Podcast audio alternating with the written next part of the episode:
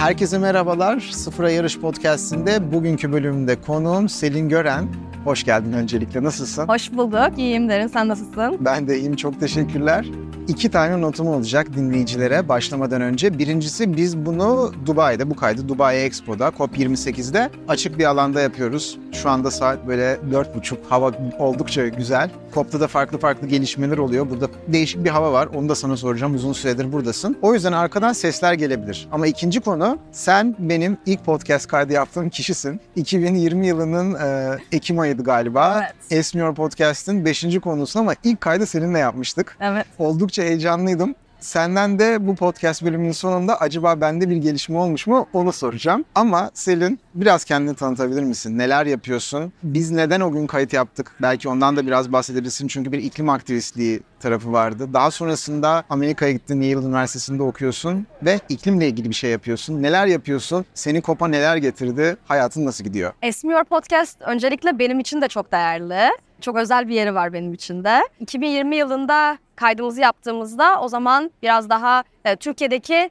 genç iklim aktivistleri ve genç iklim hareketi üzerine konuşmuştuk. Doğru. Ee, benim geçmişim, e, Türkiye'de yaptığım çalışmalar daha çok iklim aktivisti, aktivistliği ve iklim organizasyonu üzerineydi gençlerle.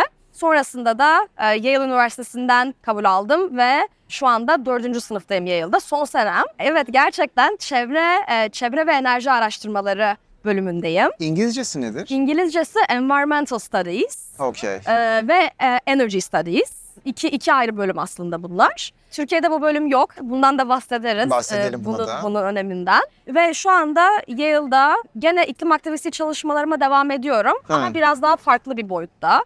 Bence aktivizm zaten bir sürü farklı form alabilir. Daha çok iklim komünikasyonu üzerine çalışıyorum. Yeşil enerji çalışmaları yapıyorum. Bunlardan en önemlisi şu anda en çok zamanımı adadığım konu karbon yakalama teknolojileri. Hı hı. Yale'da e, Carbon Containment Lab ile çalışıyorum. Ve karbonu havadan tutup toprağın altına gömüp mineral haline getirmek üzerine bir projemiz var. Bunu da Amerika'da Washington, Oregon tarafında yapıyoruz. Bu proje üzerine çalışıyorum. Peki bu yani Yale Üniversitesi'nde özel olarak bir laboratuvarda sen çalışıyorsun. Ben Amerika'daki okumada şunu çok iyi anlayamıyorum. Okuma derken üniversitede. Sen bir bölüm okuyorsun, bir öğrencisin, derslere gidiyorsun. Aynı zamanda orada da bir Carbon Containment Lab var. Evet. Orada da yani öyle çalışıyor musun yoksa o Evet. okulunun bir parçası mı? Ben çalışıyorum aslında. Yani Yale'da ve Amerika'daki üniversitelerde bu çok güzel bir şey. Öğrenciler sadece ders almıyor. Aynı zamanda derste öğrendiklerini bir işte uygulama fırsatı da buluyor. Hmm. Bu lab'de olabilir, bir organizasyonda olabilir, sivil toplum kuruluşunda olabilir. Çok yaygın öğrencilerin çalışması aslında. Ve öğrencileri gerçekten istiyorlar. Yani bu şirketler, bu e, lab'lerde öğrencileri alıyor.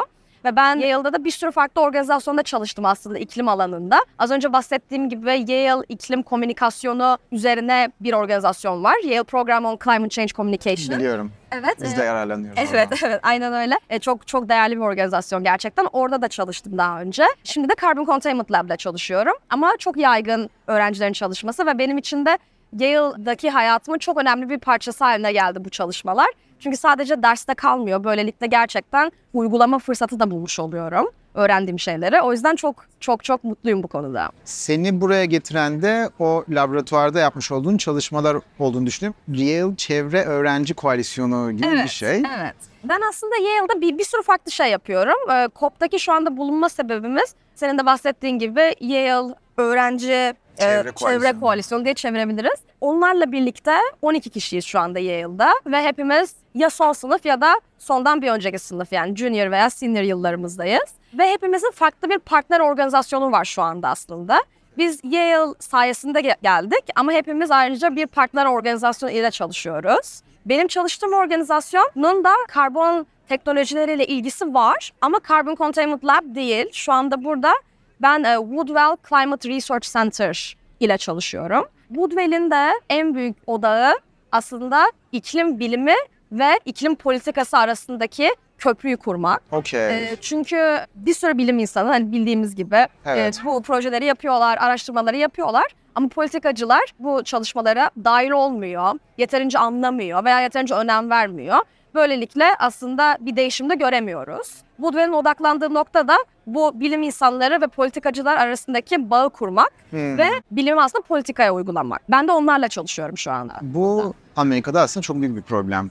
Yani Evet. e, Türkiye'de ben ne zaman mesela Esmiyor Podcast'te Amerika'da 25 yıl yaşamış, çalışmış, okumuş bir insanla kayıt yapsam hep bunu hissediyorum. İşte iklim inkarcılarından bahsediyorlar. İşte politikacıların bilimi dinlememesinden bahsediyorlar ama bu çok Amerika'ya özgü bir problem. Yani bu Hindistan'da veya işte Türkiye'de veya Avrupa Birliği'nde evet bilimi dinleyip bir karar alarak onun aksine bir şey yapabilirsin ama onu reddetmek, kendi kararını hayır bilim doğru değildir demek çok Amerika'ya özgü bir problem. Ve Yale'ın doğru yani iklim iletişimi üzerine çok ciddi çalışmalar var. Berkeley'de de mesela var. Onların da çok güzel şeyleri var ve Amerika'da gelecek sene de bir seçim var. Evet. Ve Joe Biden burada yok. Sanki de Amerikan temsilcisiymiş gibi Evet. söylüyorum kusura bakma ama yani sizin mesela ekibinizin içerisinde işte seçimlere ilişkin olarak yani çok politikaya girmemize gerek yok. Çünkü A veya B kazanmasının yani yani sonuçta sen oy veremeyeceksin en nihayetinde. Evet. Kor veremeyeceğim. Ama hepimizin kafayı taktığı bu problemle ilgili olarak farklı bir tarafa götürebilir. Böyle bir çekince, böyle bir korku var mı? Çok kesinlikle var. Hatta bugün arkadaşlarımla konuşuyorduk. Çünkü delegasyonumuzdaki çoğu insan Amerikalı zaten. O yüzden onlar oy da veriyorlar ve gerçekten herkes çok endişeli bu gelecek seçimler hakkında. Çünkü e, Biden'ın iklim politikaları insanlar da bunu her zaman bilmiyorlar. Biden'ın ne kadar iyi iklim politikaları olduğunu. Çünkü insanlar hep eleştiriyor elbette bir sürü konuda olduğu gibi ama Biden'ın Inflation Reduction Act diye Enflasyonu geçirdi- düşürme enflasyonu kanunu. düşürme kanunu diyebiliriz evet. Ama aslında enflasyondan çok aslında bir iklim kanunu. Evet. Yani iklim ve yeşil enerji yatırımlarını arttırmak için federal olarak yatırım yapıyorlar aslında. yeşil Hidrojeni enerji, hidrojen kesinlikle, e, karbon yakalama teknolojileri bunların hepsine yatırım yapıyorlar. Ve bu Amerika'daki özel sektöre çok büyük katkı sağladı. Ve şu anda bu konularda çalışan insan sayısı aşırı arttı ve çok daha fazla yatırım var, çok daha fazla ilgi var bu alana ve çok daha fazla iş imkanı da var aslında. Evet. Bizim bölümden insanlar için mesela bu harika bir şey. Çünkü bizim bölüme normalde e, geç, geçmiş yıllarda bundan 5-10 yıl önce bizim bölümde okuyan insanlar e, tamamen duygusal sebeplerle Doğru. ben çevreye katkı sağlamak için okuyorlardı. Tabii ki şimdi tabii ki hala öyle ama en azından artık biraz daha e, şu düşünce de var. Hani evet ben bundan sonra işsiz kalmayabilirim yani bir iş bulabilirim. Çok önemli bir şey söyledin. Evet, evet. Yani acaba bütün bu podcast sırası boyunca ya gençler için daha önemli bir şey söyleyebilecek kimse olacak mı diye düşünüyorum. Biraz daha devam et. Lafını kestim ama çok çok önemli Evet bir konu. çok önemli bir şey çünkü bir dernek işi, bir STK işi, bir NGO işi gibi değil. Artık bu gerçekten insanların hayatlarını kazanabileceği, insani bir şekilde yaşayabileceği ama o parayı kazanırken de akşam yatağa yattığı zaman başını yastığa rahat koyup suçluluk duymayacağı bir noktaya gidiyor. Kesinlikle mü- müthiş bir şey bence. O yüzden özel sektörün de bu noktaya gidiyor olması bence çok heyecan verici bir şey. Yani ben e, şöyle hissediyorum hani yıllarca sanki özel sektöre karşı çalışıyorduk. Doğru. Özel sektöre rağmen çalış- çalışıyorduk. Şimdi özel sektörde hani biraz biraz artık iklim aktivistlerine çalışmak istiyor. Bu konuda gerçekten bir gelişme görüyoruz. Ama environmental studies yani çevre araştırmaları bölümünde insanların bunu düşünüyor olması bence çok umut verici bir şey. Çünkü daha fazla yetenekli, zeki, tutkulu genci bu alana çekiyor bu böyle olması. Çünkü bir sürü insan bence bu konuda belki çalışmak istiyordu ama ailesinin imkanı olmadığı için veya Doğru. kendi gelecek kaygısından dolayı çalışamıyordu. Ve bu bence kesinlikle Biden'ın politikalarının çok büyük etkisi var, katkısı var. Ve insanlar da çok endişeli. Özellikle benim bölümümde okuyan insanlar çok endişeli. Hani eğer Trump kazanırsa hani ne olacak diye. O biraz gerçekten endişe verici bir şey.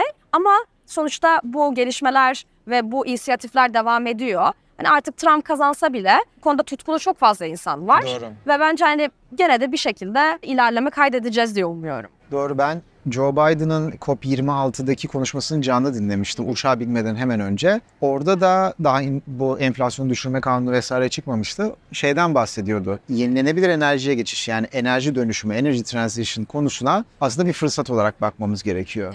Neden fırsat olarak bakmamız gerekiyor? Yeni iş kaynakları ol- olacak. Tabii yani bizim yani sen benzer bir kimlikteyiz tabii. Ben senin kadar bir aktivizm tarafım hiçbir zaman olamadı ama benzer bir kimlikteyiz. Ben orada tabii eleştirdim kendi aklımdan. Dedim yani hani buna fırsat olarak nasıl bakabilirsin sen? Hani ama iç politikaya baktığın zaman iş yaratmak, fırsat yaratmak, işte insanların cebine daha çok para girebilmesini sağlamak bunlar senin bir sonraki dönemde tekrar seçilmeni sağlıyor. O yüzden de bunlar oldukça e, önemli. Kesinlikle haklısın. En başta şeyden bahsetmiştin. Senin bölümünün yapısından ve Türkiye'deki üniversitelerle olan fark. Yani bunu bu arada o iyi bu kötü eleştirmek için değil. Yani burada belki bir kişi dinler kendi üniversitesinde onu uygulamaya çalışır diye sana birazcık da onu sormak istiyorum.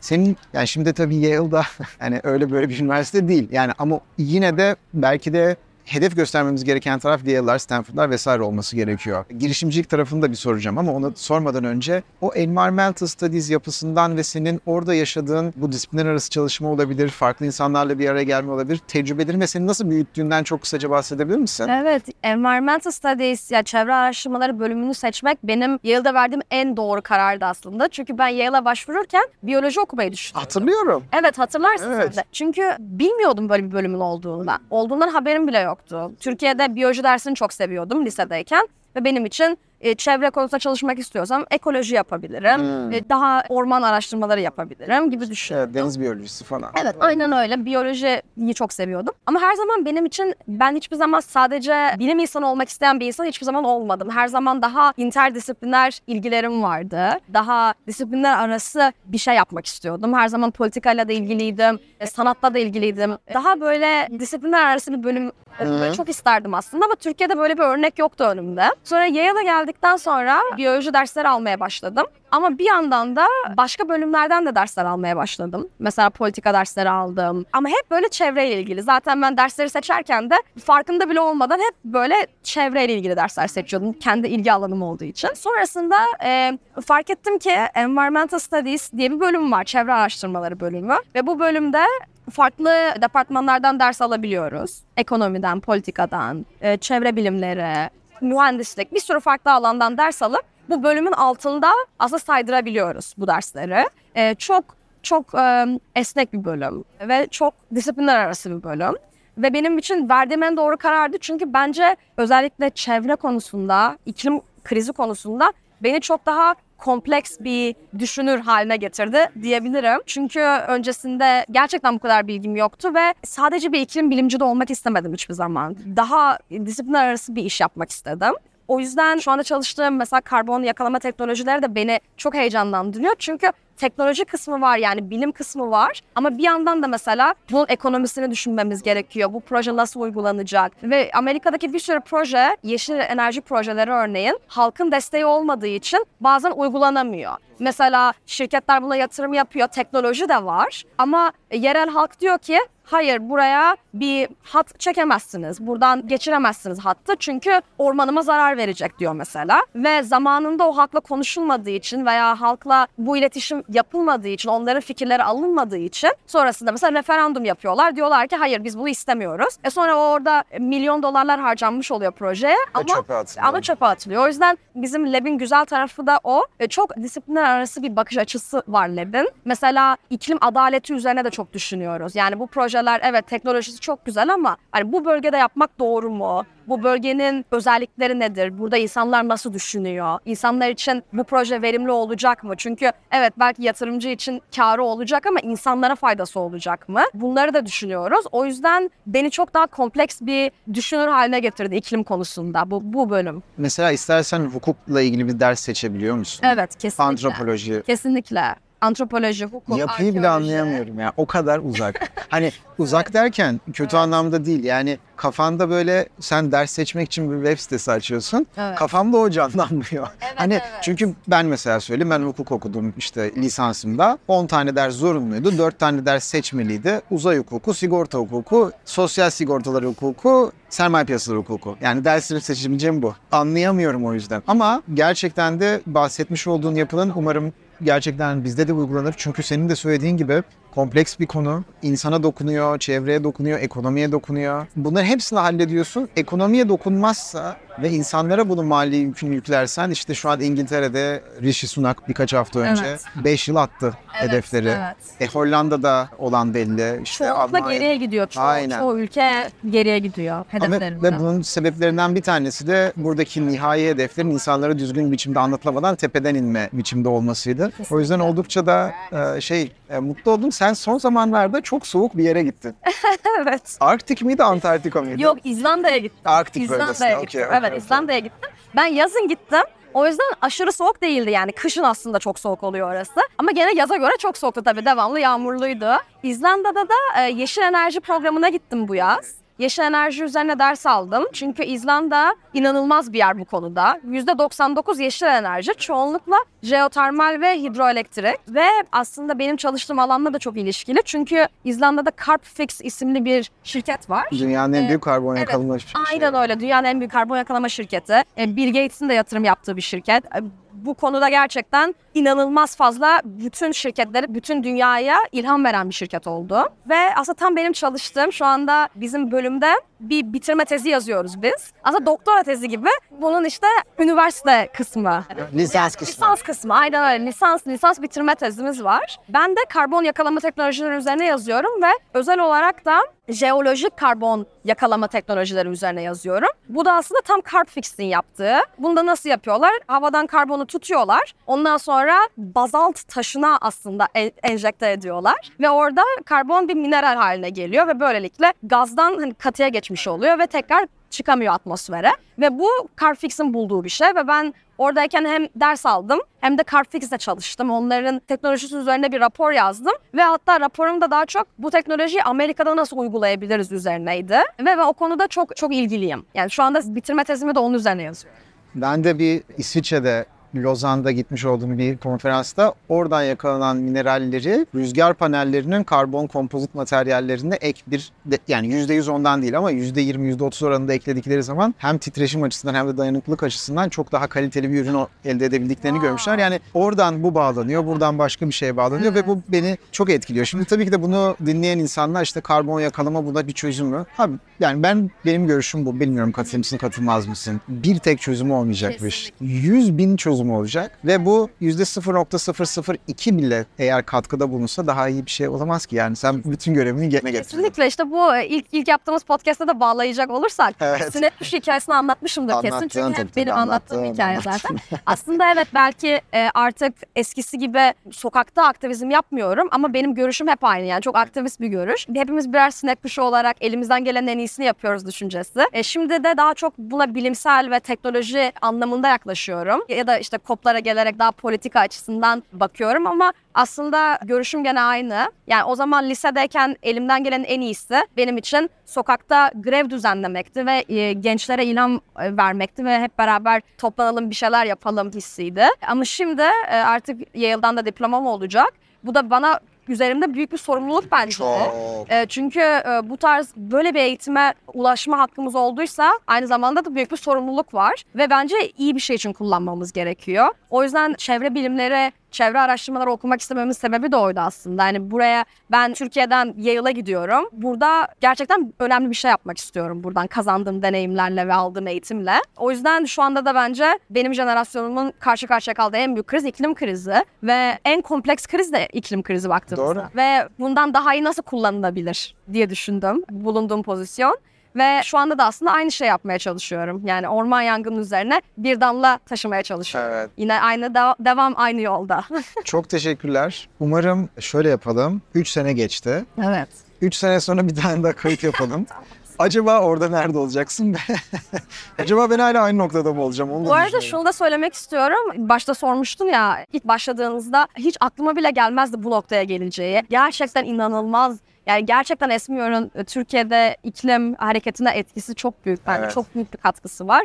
Ve gerçekten gurur duyuyorum yani Esmiyor gibi bir podcastımız olduğu için. Ve bence bir hareket aslında sadece podcast de değil. Öyle bu arada bir sürü, gerçekten. bir sürü farklı insanı bir araya getirdi gerçekten ve yani gerçekten her şey bence her şey bilinçle başlıyor, eğitimle başlıyor, iletişimiyle başlıyor aslında. Her şey iletişim. O yüzden çok çok çok çok değerli ve çok mutluyum bu hareketin bir parçası olduğum için. Çok teşekkürler. Biz de bu yola çıkarken bu konunun çok kompleks olduğunu biliyorduk. Biz konuyu anlamak için yola çıktık ve konuyu o zamanlar işte Twitter 140 karakterden oluşuyordu. Yani 140 karakterden oluşan bir tweetten anlayamıyorsun. Çok uzun saatler boyunca konuşmak, bir insanın zihninin içine girmek, o hareketin neden içerisinde bulunduğunu anlamak gerçekten gerekiyor. Bunu en azından bizimle birlikte anlamaya çalışan on binlerce insan varmış. Onlar da bu hareketin içinde biz de aynı şekilde şey yapıyoruz ama bu da bize sorumluluk katıyor bu arada. Kesinlikle. Yani mesela COP'a gelmeden yani bizim için COP Dubai'de olacak, COP'un Dubai'de olacağını 2 yıldır biliyoruz. COP'a gelmeden 11 ay boyunca yüzlerce kişiyle görüştük. Birkaç kez Birleşik Arap Emirlikleri'ne sene geldik. Burada yapılan faaliyetlere baktık. Çünkü hatalı bir şeyin de parçası olmak istemiyorsun. Kesinlikle.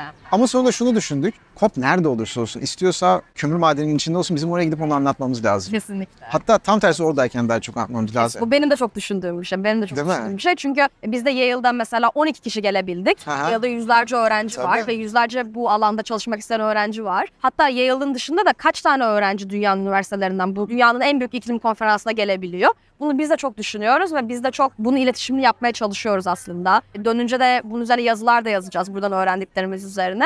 Ve bitirirken şunu da söyleyeyim. Bu çevre araştırmaları üzerine konuştuk ve benim Yale diplomam üzerine konuştuk. Konuda ben çok tutkuluyum ve çevre araştırmalarını Türkiye'ye de çok getirmek istiyorum. Yani uzun vadede yani Türkiye'yi de bu hareketin bir parçası haline getirmek çok istiyorum. Özellikle eğitim alanında. Bu konuda çok tutkuluyum ve yani gerçekten hani Yale'a gittim. Bundan sonra artık işlerim Amerika'da olacak gibi kesinlikle düşünmüyorum. Çünkü her şey Türkiye'de başladı. Evet. Benim iklim ilgim de Türkiye'de başladı. Esmiyor'da da Türkiye'de başladı. Öyle, öyle. E, gerçekten öyle. O yüzden hiç hiç yani bırakmaya niyetim yok ve mutlaka o köprüyü hep kurmak istiyorum Türkiye ile. Ben de o zaman bir köprü kurmak için birisiyle tanıştıracağım seni. çok çok teşekkürler. Ben çok Görüşürüz teşekkür burada tekrar. ederim. Tabii ki görüşeceğiz. Sizlere de çok teşekkürler dinlediğiniz için.